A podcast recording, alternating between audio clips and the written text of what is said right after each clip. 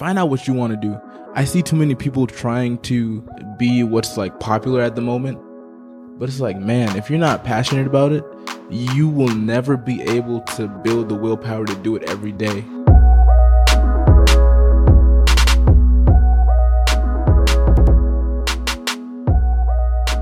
Yo, yo, yo, what's up? This is 1111 Podcast. We're back. I'm back, man. Small hiatus, and what other way to come back than with Papa, man? What's good, bro? I'm doing well. Happy to have you here. It's been a minute. It has been a minute. Yeah, I actually haven't seen you in a minute. Yeah. It's funny though that you live across the street from my old barber, too. Bro, I've been trying to kind of avoid him. nah, man, I've paid him to mess up my, my lineup for far too long. Same. Same. I paid him to mess my hair. Bro, I've been Oh, I've like had to recover for months from his like lining mishaps and that just has not been fun. Cuz my line is already kind of far back, so the margin of error is you know, it- it's a fine line. yeah. That's hilarious. Now he's definitely got, but he's also hooked me up. Like he's done a, gr- a great job too. That's the thing. That's the thing. but when yeah, you get two good haircuts, two bad ones, and like for the fifth one, you're like, huh, it's a maybe. it's a it's a toss up. but I think the thing is, you got to go there in the middle of the day because if you go there at the end, he's just trying to get out. Worn out, If you yeah. go there in the beginning, he's warming up. But you live across the street, so it gotta be easier for you. I had school though. Oh yeah, per- oh yeah, yeah. You I did just in high school, graduate. yeah. Yeah. that's insane though. He he's dope. But I also have two barber brothers, and my dad knows how to cut hair. So he cut my hair for a while, so I know a good cut. Right. I know when somebody's looking out for you. Yeah. and he did Yeah. not have my best interest in mind. You know when someone has to like do use their hands to measure where your lining's at, Yeah, and that's how you know they messed it up. like whenever, nah, whenever they they take the step back and lean to oh. and look at it and tilt their head. As soon as they tilt their head, just just look in the mirror, fam. It's or if they do it more than if they do it more than twice. if they do that, look back to it's over with. It's over. Let's get started, man. So, where are you from originally? Gambia, West Africa. Mm. When'd you move here? When I was two, To to Memphis, Tennessee. Um, my dad won a green card lottery, something like that. wait, what? What? Yeah, I don't. I don't. I'm not hundred percent sure on the full details of the story, but as I hear it, I remember my uncles used to. Um, they started applying for like this green card lottery thing, and my dad wasn't even really thinking of doing it because he had a good construction job in Gambia, but um, his family influenced him to do it. He did it, and after a little bit, he won. And I'm pretty sure it was only him that was gonna come, but he rejected that unless like we could all come. So, you know, that ended up happening. We came to Memphis. We have some family over there. How long did you live there? Oh, no more than two years. Okay. And then my uncle from Gambia, who'd been in Minnesota for a while, lived in North Minneapolis, and uh, he helped us out a lot. We had an apartment in Crystal, and a little bit after my little brother was born, we moved to North Minneapolis, and we lived there ever since. How many siblings do you have? Four. Uh oh yeah you got a little bro that i smacked on uh 2k, 2K. listen man i'm just saying. You know I, I do everything out here man. That was that was easy. That was a gift from me to you. Truth. and it was your birthday funny enough. Yeah, and you knocked down his ego a little bit, which oh yeah. good. come on. You know it's it's what i do man. Just just send me a text. And he could be he beats me now, so I needed that. See I needed that. so now you can always bring it up but like, Exactly. where's that energy when juice beat you in here You're right. and i don't play that's the thing that was my third time ever playing in my life not my life but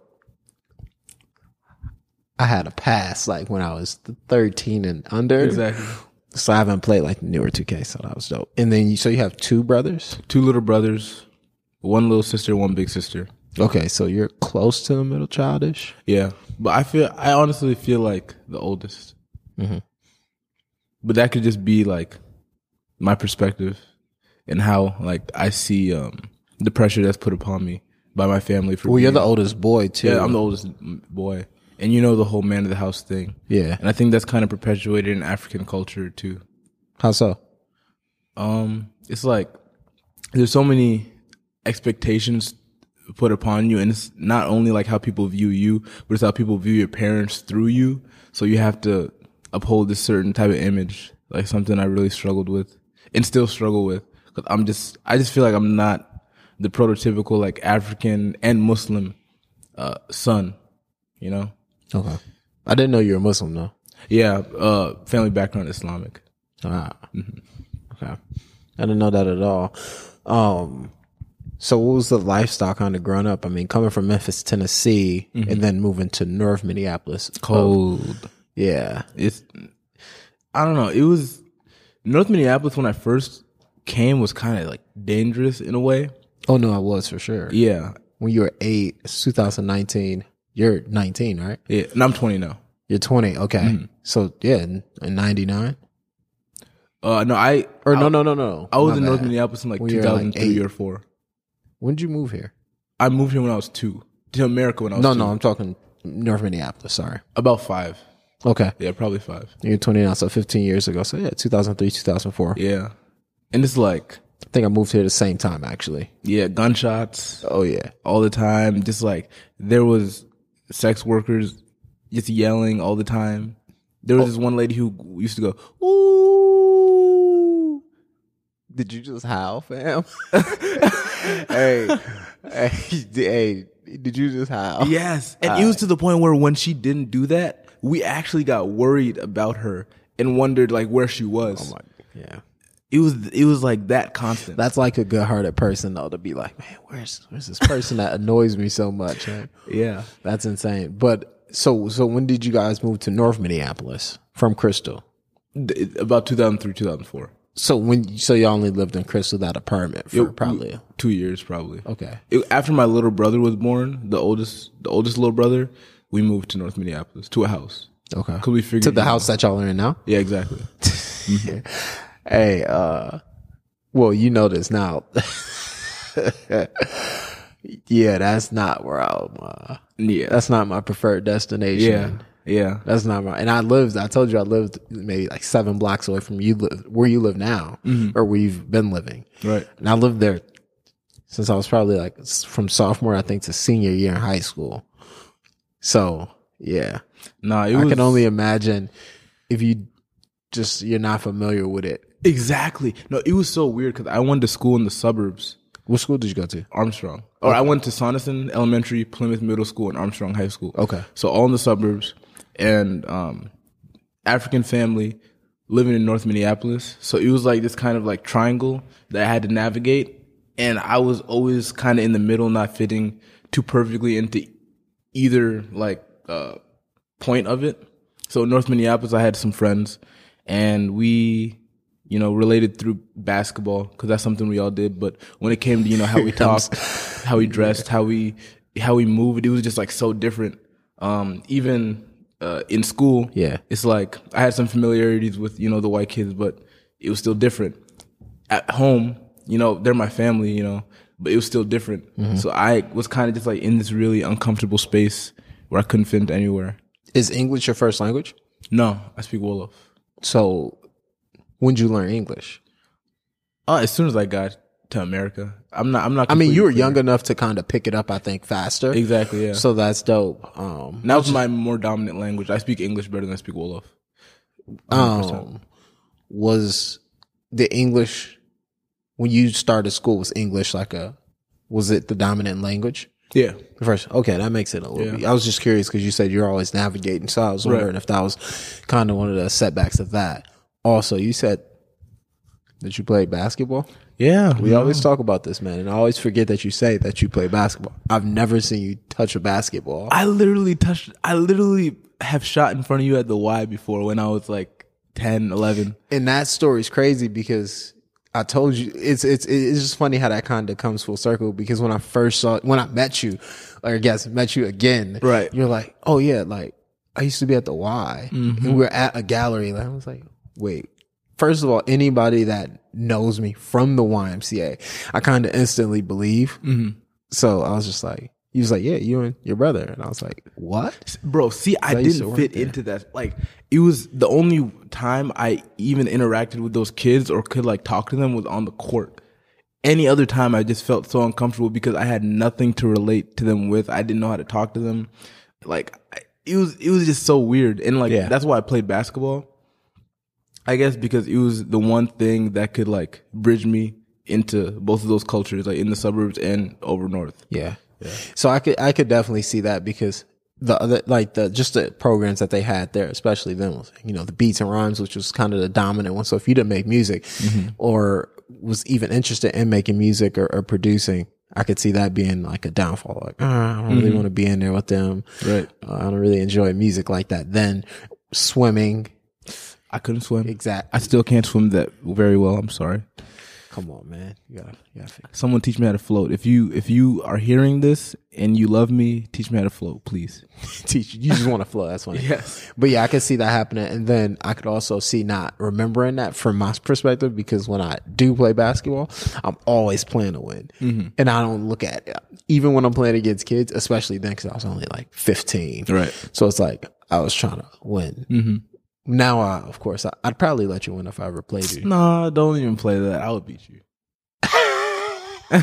I'd beat you. But we that's for that's a conversation for another day. We good on that. Oh, boy, you silly. I might be. Oh, you're silly. I might be. I'm gonna have you looking silly.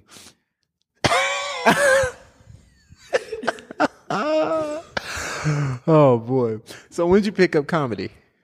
Um, I Was that was that when you moved to America? low key. I've Was- was this in had to- Memphis? I've always had to uh, have some sort of like joke in the bag to fit in, just so people would accept me. Yeah. Like comedy or just being funny or like telling jokes is literally a defense mechanism for being uncomfortable. Mm, socially. Yeah, Yeah. a hundred percent. So Yeah. that's that's pretty much the only reason I started like being. Otherwise, I'd probably just be like the quiet kid in the corner. Yeah. just like drawing, not talking to anybody.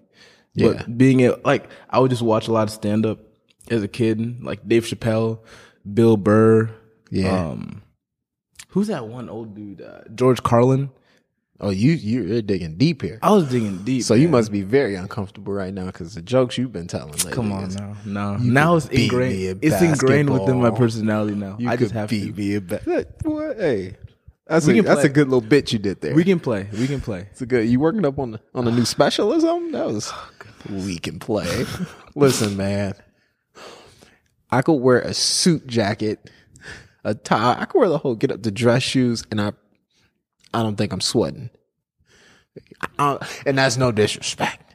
That's all disrespect. Loki, I would wear my dress shoes to uh, Cleveland Park when I'm I pull up this summer, and and they would they would look at me like, "What is You actually do have dress shoes. I Yeah. know. I, I've yeah. I've, My I've seen you wearing them with a fit in the middle of the summer. Uh, we're- yeah, I don't know. I Michael. Jackson, bro?" I, I wouldn't. love I, wouldn't play you in a in a suit. That's super uncomfortable. I don't like doing that at all. But you know, I digress. So schooling, you said you know you went to Plymouth Middle School, Armstrong, Mm-hmm. um, Sonnesyn Elementary first. Slauson, Sonnesyn. Sonnesyn. Where's that at? S O N N E S Y N. It's in New Hope.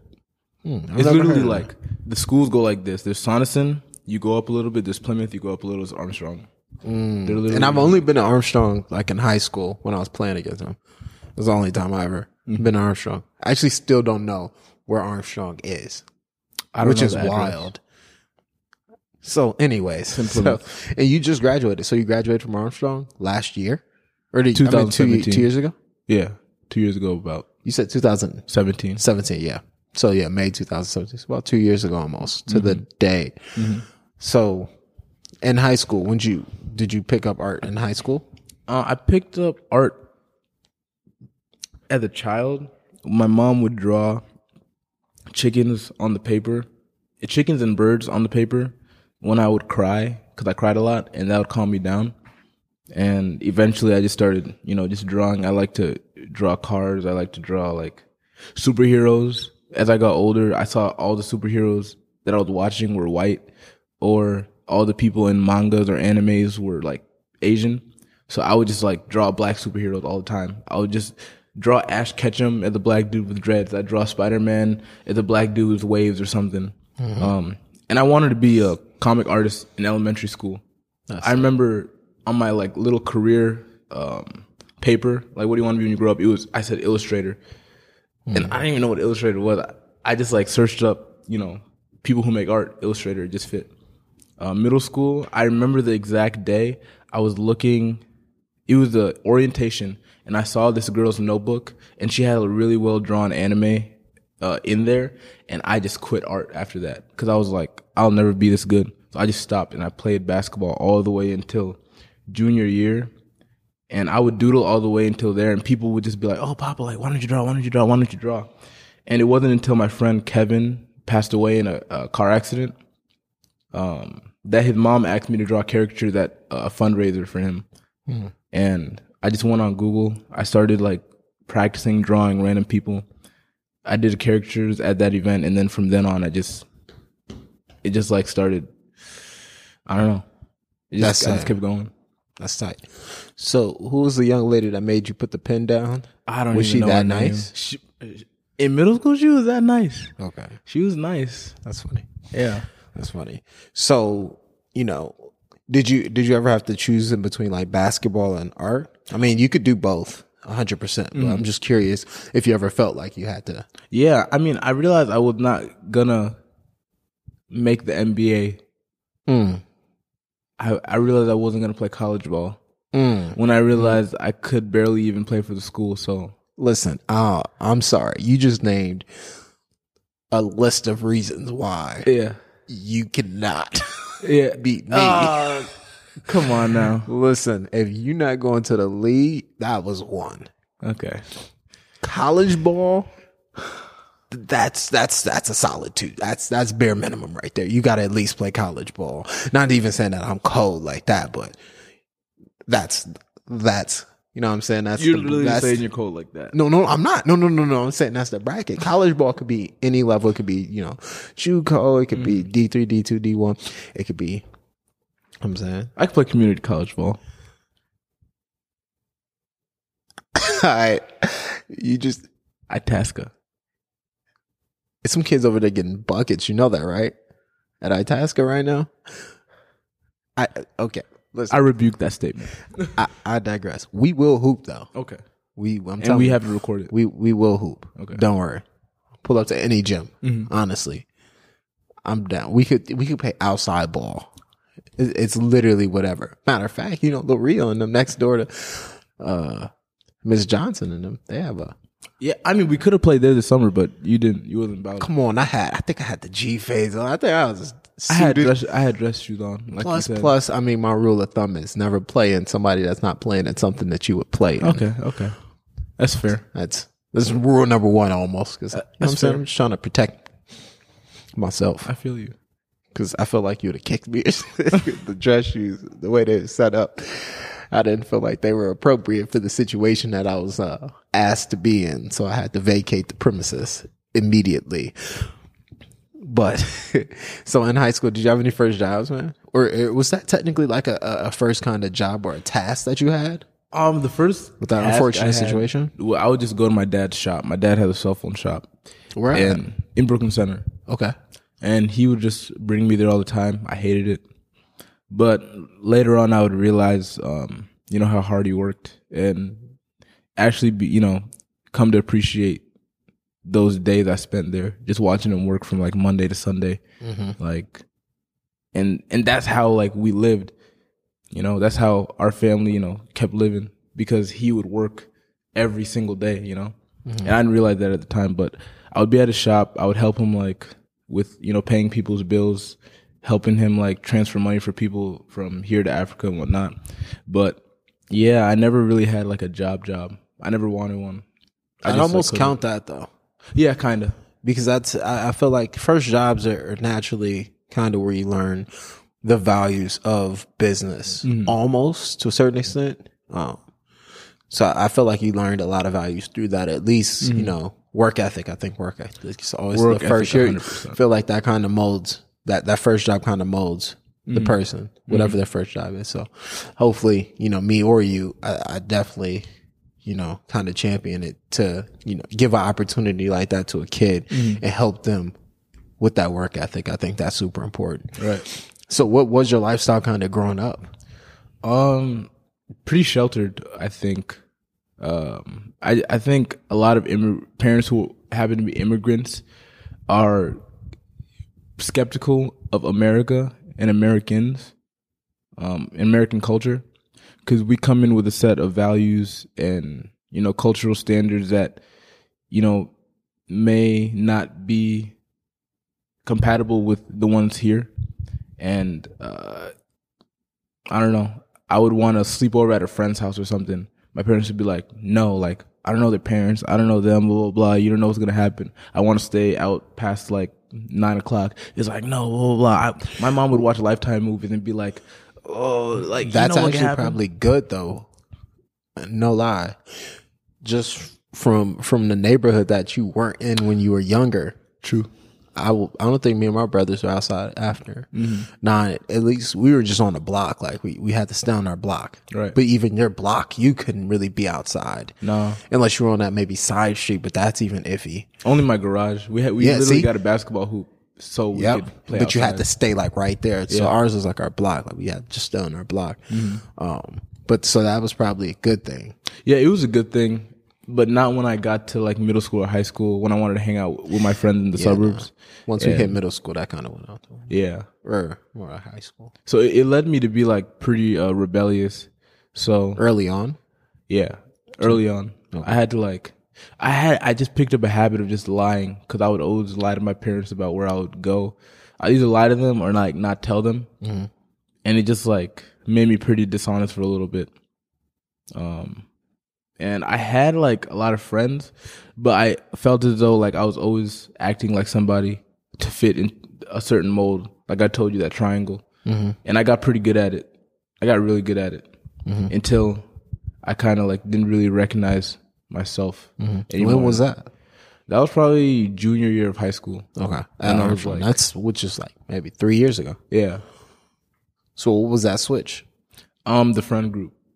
I started really hanging out with my friend Sean, uh, my friend Gabe, and then the friend group with that came with them like Isaiah Dawson, um, uh, Nick, uh, and Gabe was really about his his shit with the with the uh, video. I was gonna ask, is that the Gabe that you're talking about? Yeah. I actually just met him really when I was in LA. awesome. Yeah, that was the first time I.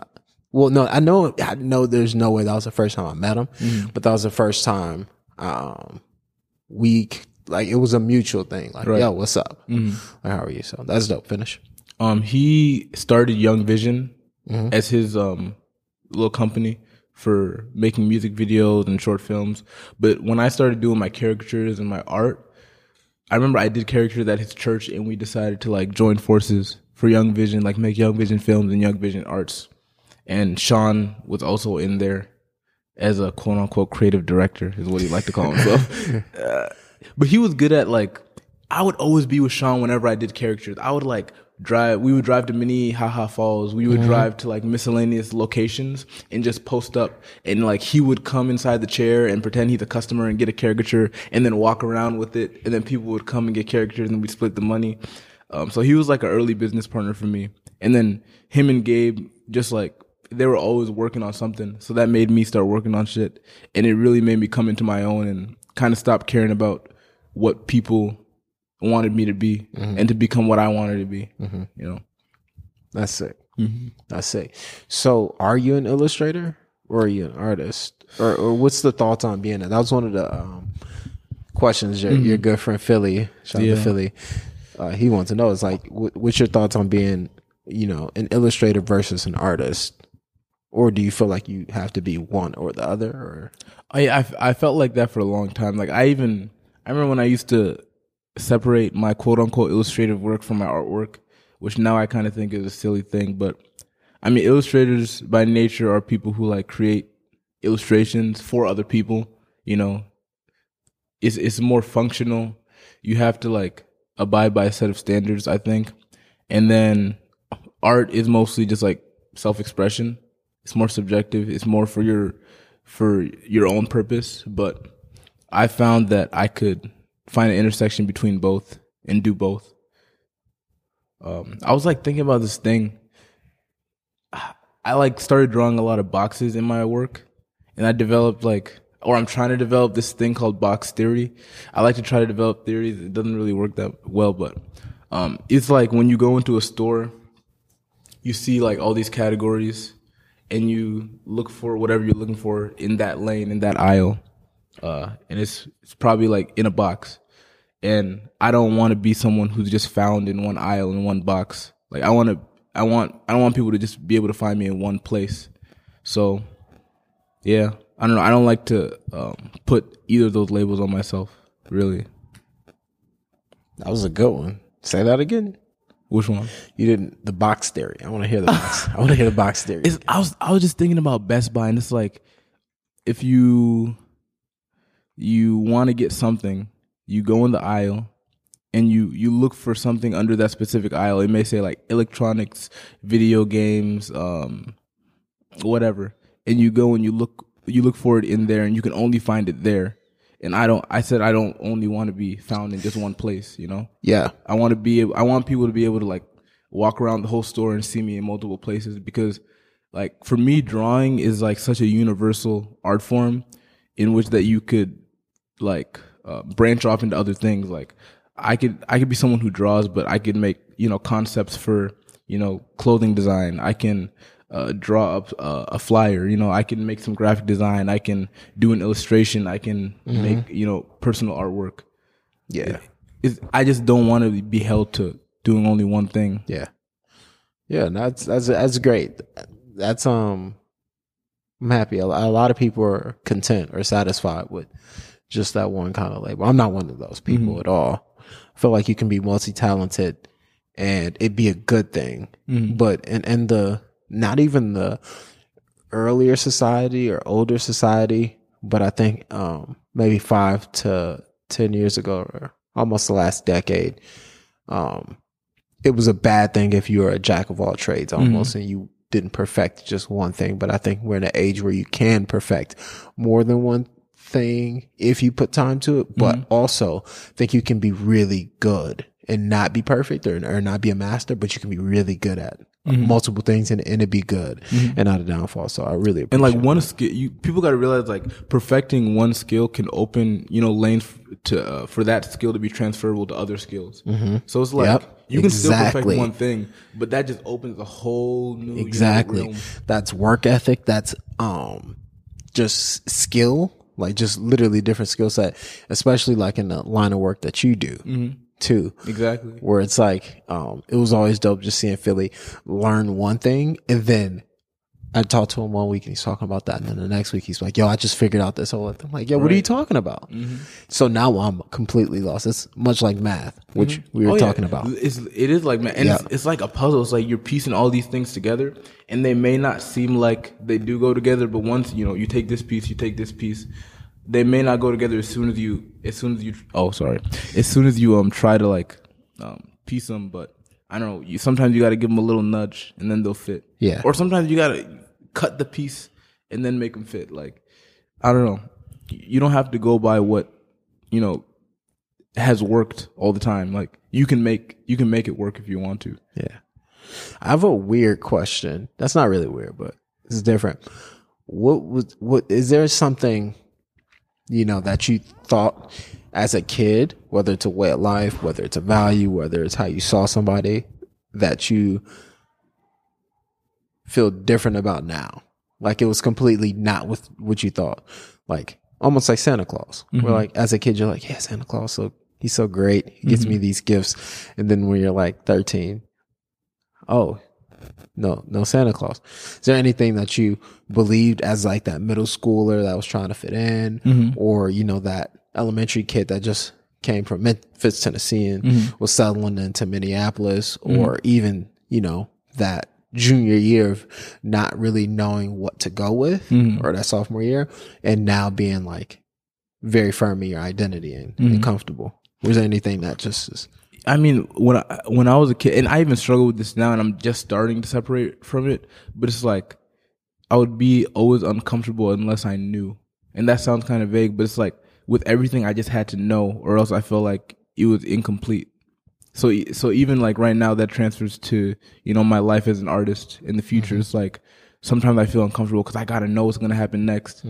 Um, I would wake up as a kid and I don't know. I'd ask my mom a question like, "What are we doing today?" and she would be like, "Oh, I don't know," and I'm like, I don't know why that just made me so uncomfortable.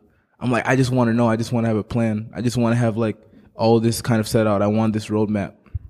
Um, and also I thought as a kid you had to assimilate, you know, to to fit in, Yeah. and you- and that, that you had to fit in, or else like, I don't know, life life is not worth living with without other people that like you. I don't know. I don't I don't know what made me believe that. Mhm. I just didn't like to be lonely, you know. Yeah. Mhm. I mean, that's almost human nature. Everybody wants to know that they're wanted by somebody. Exactly. But I think, you know, in that case, it would be like you wanted to know that you were wanted by somebody else other than your family. Mm-hmm. Or you want to be welcomed into another group. Exactly. Yeah. So that's pretty powerful. And So I'm happy you kind of, yeah, yeah, it, it- through that. I think I got past it like maybe a couple summers ago because it would even be I would be in one friend group and they'd have another friend group that they introduced me in, and it's like no matter what I did, because I'm pretty good at assimilating and like shape shifting, but mm-hmm. no matter how much I shape shifted, and even if they accepted it, it just never felt real to me. Yeah. and it would always be an uncomfortable space. So, but then I figured that even if I'm I'm myself, even if I don't relate to them as much, like it can still be it can still be cool. You know, mm-hmm. I don't have to be everybody's friend. Mm-hmm. I don't have to uh, be able to talk to anyone about everything. You know. Yeah. That's perfect. That's perfect. You should you should speak up a bit. Just whenever you're comfortable about that a little bit. I think a lot of people are struggling with that. It's almost like one of those things where it's um you know, when you're in a classroom and the teacher's like, Hey, no question's a dumb question. Like if you have a question, raise your hand. It's almost like that. But you're in a class and you're you're now saying that that question. I feel like there's a lot of people around you that um that don't know that. hmm So I think you should start bringing that up in, in regular conversation. Yeah.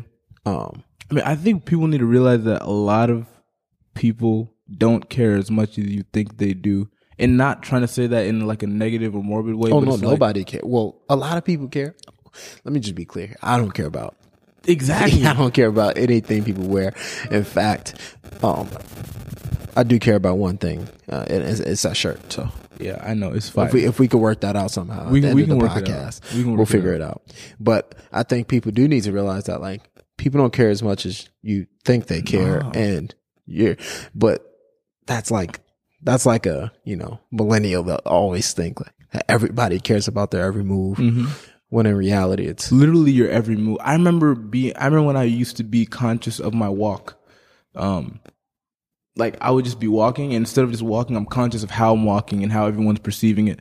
Like my mind is always going a million directions, and not only only am I doubting myself, but I'm doubting other people's perception of me, and like trying to decipher that. But you know, there's you just got to realize that you can't. Um, like me walking and me like look, no matter how goofy I looked, even if someone thought anything of it, they wouldn't think of it for more than maybe a second. there's two decisions. It's either they like you or they don't like you. Exactly. And if they don't, then like, Then that's fine. what are you gonna do about it? Exactly. And then just even shifting perspectives, like you've seen somebody you don't like before. hundred percent. When's the next time you thought about them after you saw them? It's like you're not. They're not in your dreams. You're not just thinking about them again. Mm-hmm. It's like no, I just don't like that person. Only time I'm thinking about them is if they're trying to compensate for me not liking them and like trying to involve themselves with me like every chance they get, which probably makes them me not like them even more. Yeah, you just gotta direct those people. Like, hey, listen, man, just be real with them. Um, so what was? Do you? Let me form this right. As an artist, myself, especially when I was younger, so a young artists around your same age, th- talk about how money and um, being an artist kind of goes together. Pause. So yeah, the pressures of you know being that young, like mm-hmm. at twenty, Yeah. especially when you have the mindset of you know you don't really want to work for somebody mm. when you're an artist Yeah. or the difficulties that kind of come with that because mm. you want to remain as artistic as possible Exactly. And and like have that integrity. Yeah. That integrity. so so how does that work or has has that worked for you Um, so graduated high school 2017. Didn't get a job straight out of high school. Already had a job, I guess, as an independent contractor, being an artist. So I made, you know, money off like some gigs and got some grants. Um, didn't have the best saving or spending habits straight out the gate. Still don't have the best saving or spending habits, but luckily was able to live with my parents, and still am able to live with my parents, and that's probably a big reason why I'm able to uh, create artwork at the volume that I do, just because I don't have that burden of having to, you know, pay for a Like a living rent, space. Um, but I also didn't go to school straight out of high school Oh, yeah. or I did. I went to community college for a semester, but after that, I stopped. So I was able to dedicate myself fully to the artwork, but I was not making money for like long periods of time. I remember this summer, literally after my show at Public Functionary with Tyler Murad in Philly, um, we went to New York. I think I had like ninety bucks to my name in New York City for um, Like a week? a week. A week, yeah Yeah. uh, lived off uh, McDonald's, like Subway.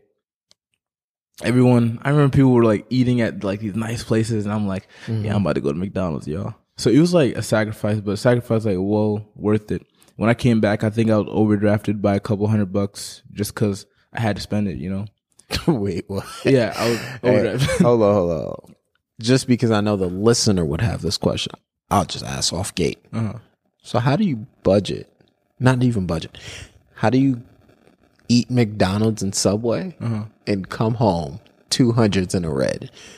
Two hundred in a red. Mm-hmm. Like, how does how does that happen? It's because I had to spend more than I had like. Well, I know obviously that's how you go Right. negative. Uh-huh. But what did you did you buy something else other than McDonald's and Subway? Um, Don't you didn't spend three hundred dollars on McDonald's and Subway? oh no, no, the over the like, Oh, because my- once you go once, Yeah. you go. Yep, I, I yeah, of course. No. I- you get the I- overdraft fee. It's like thirty two bucks. and it kept just like yep, and every day that you don't do. So I think I eventually like got some money from my parents to help pay it off. But after that, I was I didn't make any money for maybe two to three months. But that's uh, when like the best formulation of ideas came because I was like, okay, I have my parents' house, I can eat, like I have somewhere to eat. So I would um, go to New Rules all day after eating breakfast, and then come home at night and eat. But uh, in the middle of that, all I would do is just draw and work. Like, Papa, you want to go eat? Like, no, I don't have any money. I can't go eat with you. Papa, you want to go hang out and do this? Like, no, I have no money, so I can't do that. So it was actually almost kind of a relief to be able to just dedicate myself fully to the work. Um, of course, like being broke had its, you know, downfalls, but I don't know, just being able to immerse myself in my passion was kind of just priceless. So it made me forget sometimes that I Mhm. didn't have anything in my bank account. Yeah. And um it being broke also made me change my perspective on school. It may seem hard to like correlate, but like after all that, it made me want to go to art school Mhm.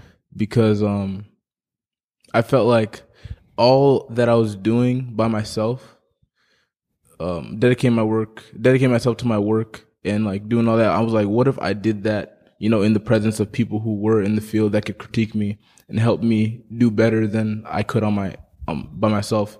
And although the school costs money, I also like tried to factor in like opportunity cost and what I could get from it. So it made me look at education from a totally different lens. Like not um becoming not being molded by the institution, but literally molding the institution into what you want to get out of it. And it's like taking a t-shirt and like dipping it in water and like wringing it out. And that's what I would be wringing out of the institution, you know? I'd be like taking all that knowledge, all that experience, all that perspective and just applying it to myself. Mm-hmm. And I feel like that's just a lot more valuable than the monetary, you know, benefit that mm-hmm. comes with making money. I'd rather have something in my head.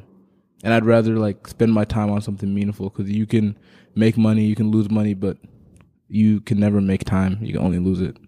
One thousand percent. Time's your most valuable asset. Yeah, hundred percent. And it's like I don't know, man. Like recently, I've just been realizing that a lot more. I feel like recently, I I may have gotten a little colder than I usually am, and am a little less patient with people and just things in general. But it's just because like time is becoming such an important value in my life. I'm even I, I'm even like a lot more critical on myself just because like I'm I'm very self aware to the point where it almost hurts when I do something that goes against my values. Mm-hmm. Cause it's like, you know, I'll indulge in this vice and it'll be fun for a little bit just in just until I realize like what I'm doing. And then it's just like hell. And I'm like, oh my mm-hmm. God, bro, what are you like my head's like, what are you doing, bro? Mm. And I'm literally like beating myself up. So yeah, time, yeah. Most valuable asset. Yeah. So just the last two questions I, I ask most guests. Um, I think they're really. I'm always just interested to see people's take mm. on, on these two questions. So, what do you think sets apart successful people from people who give up or never get started? Mm-hmm. Oh, the number one thing is definitely persistence and and passion. Um, I think talent is something, but talent basically, I think is just a repeatable skill. Um, some people have you know more inherent talent. Some people have talent that has to be built up through like repetition, more so, and that you know just goes into persistence. And even people with like more inherent talent, that won't get you where you need to be to like uh, be successful. So you- have to go back and you know be persistent again. So that's probably the number one thing, and um, willpower. It's crazy. Willpower is just. I think building your willpower muscle is harder than building like your physical muscles. One thousand percent. And I think I'd go as far as to say you have to build your willpower kind of muscle or, or strength before you try to build a physical muscle. Oh, yeah. Whether that's your mind or, you know, a bicep. A hundred percent. Because like with no willpower, you're not gonna be doing what you need to do every day to build your mind up. Like you're not like let's say you want to read this book every day for thirty minutes.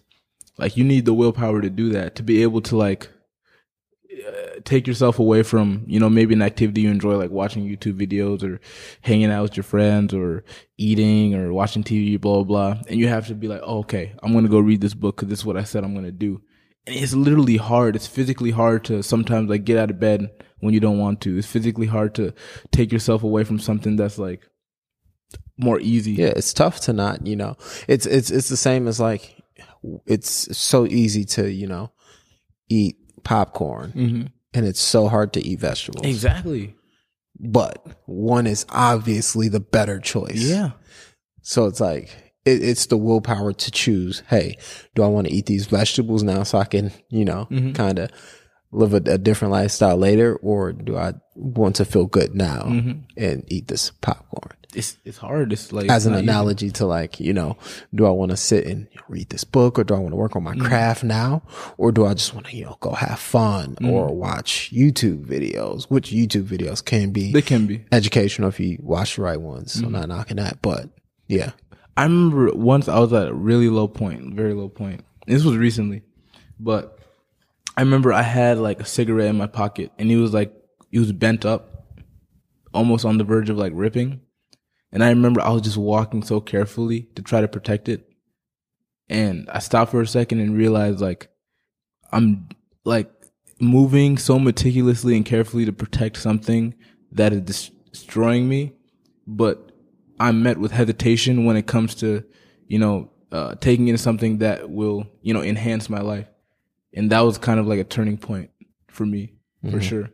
It's like we, we do so much to protect those people or those things that will eventually hurt us, you know, and will like perpetuate our inevitable, you know, downfall, our death, whatever you want to call it. So it just really made me start appreciating, you know, the hard things in life. And like, even though like this is my passion, like it is hard, you know, sometimes to do it every day. Uh, maybe not get met with the validation, you know, you may want, not get met with the recognition you want from others or even yourself. Mm-hmm. I think that's hard. I think it's harder to not be validated by myself than others. You know, Okay. like I'll make Yeah. a piece and I'll just be like, man, what, like, what is this, bro? But you're, you're, you're everybody's their worst critic Yeah, forever. There's times I look at some of these podcasts that I do and I'm, you know, like, dang, you know, I could have did this so much better had I asked that question or, you know, s- steered the conversation in this way. Uh-huh. And then I'll have somebody walk up to me and they're like, y'all really love that podcast you Yeah. had with this person. You did. But then I go into conversation like, yo, what'd you like about it? Right. So then it's a learning moment. Mm-hmm. So I, I could definitely get that. So, you know, it, it's, it's wild to think, you know, that, that art piece that you don't think you did your best job on, somebody wants to hang that in their house. Right. So I think that's, that's, confusing almost, honestly. yeah. It's really confusing. Like some some I remember one time I um I performed like a song. Like I don't rap, but I just performed a song at my friend's thing. And I thought it was like all right. But people were like coming up to me like, oh my God, blah. is that on Spotify? And I was so uncomfortable that I had to like leave the space just because it was the, it was too abrasive. Like my self critique and other people's praise, it just like clashed, and I just was like, oh, I have to get away from it. So it's, it's a really weird space to be in for me, Mhm. and it still is a really weird space to be in. Yeah. Mhm. You seem like you, um, you have to find that, that common ground Mm-hmm. For sure. between, you know, what you think and value and what you think and, and valuing what other people think. I think that's a common kind of denominator in everything you've said. It's like, you know, I think you just have to, to find out how much you care about yourself or, or you, uh, how much you value your own opinion. Mhm. Oh, I think that's the, I think that's that's perfectly. that's it, and that's kind of the thing we've been circling around. And I think, yeah, just take time to always sharpen that tool, Yeah. sharpen your mind, and being like, you know, I don't care what other people think, Mm-hmm. and you know, I'm doing this for me. I think once you get that down pat, uh, life kind of starts getting to that cruising altitude, mm-hmm. and every time you you let somebody hold so much of you you know and valuing val- valuing their opinion you know it, you start to kind of go down Oh, no. and go down 100%. but you know sometimes valuing people's opinion isn't bad but only to a certain extent i feel like but first you have to be comfortable in not caring about others opinions Mm-hmm. to then value another person's opi- opinion because you know i value people's opinions of course. as well. Like, yeah, I really do want to know what you think about this. And I will really take what you say into consideration. But at no point am I, you know, hanging on to that for anything. So I think you should, um, kind of work on that. But we could definitely talk about that. Oh, yeah, kinda offline too. Um, so what is some practical advice you can give people who struggle with achieving their goals? I feel like I'm talking to myself. Um, I mean, I feel like some of the most cliche advice is the best advice. Let's hear it. Like, don't give up. And there's so much within that. I feel like people hate cliches because they're so vague, but it's like they're cliches because they can't be specific to your life. You have to kind of um, mold them into your life by yourself because everyone's situation is literally so specific, you know? Um, but yeah, don't give up. There's been many times that I wanted to give up, have been on the verge of giving up. Um, and as soon as I kind of crossed over that, you know, something really great happened for me. And it's because, you know, that persistence and, you know, that uh, willpower. Um, yeah, just don't give up and find what you find, find out what you want to do. I see too many people trying to kind of, um, you know, be what they, what they think people want them to be or be what's like popular at the moment. But it's like, man, if you're not passionate about it, you will never be able to build the willpower to do it every day. Like if you can't do something every day, sometimes for hours on end, if you can't do something in spite of like, you know, being in dread sometimes, you know, if if if it's not something that can help pick you out of your depression or help pick you out of your despair, then I'm like, you got to find out what what that is for you. Yeah. and it's something for everybody. Um, I, I I feel very fortunate to have found it in high school. Yeah. like I like I feel blessed. To People don't know how much of a bonus that is. A lot of people don't find, you know, what they're passionate about or what they love for a while. Uh, and it's also tough because a lot of people don't know what they're good at and they think they don't have talents. Mhm. because I know I thought like that when I was younger. Like when I was in middle school, early high school, it's like, what am I good at? Mhm. You know, well, more like middle school because, yeah, it's like, well, you know, what am I good at? Right. And that's not even like sports related. So I thought it was like, yeah, what am I good at? hmm And that and that's tough. And of course, we're all fortunate, you know, finding it earlier, but Right.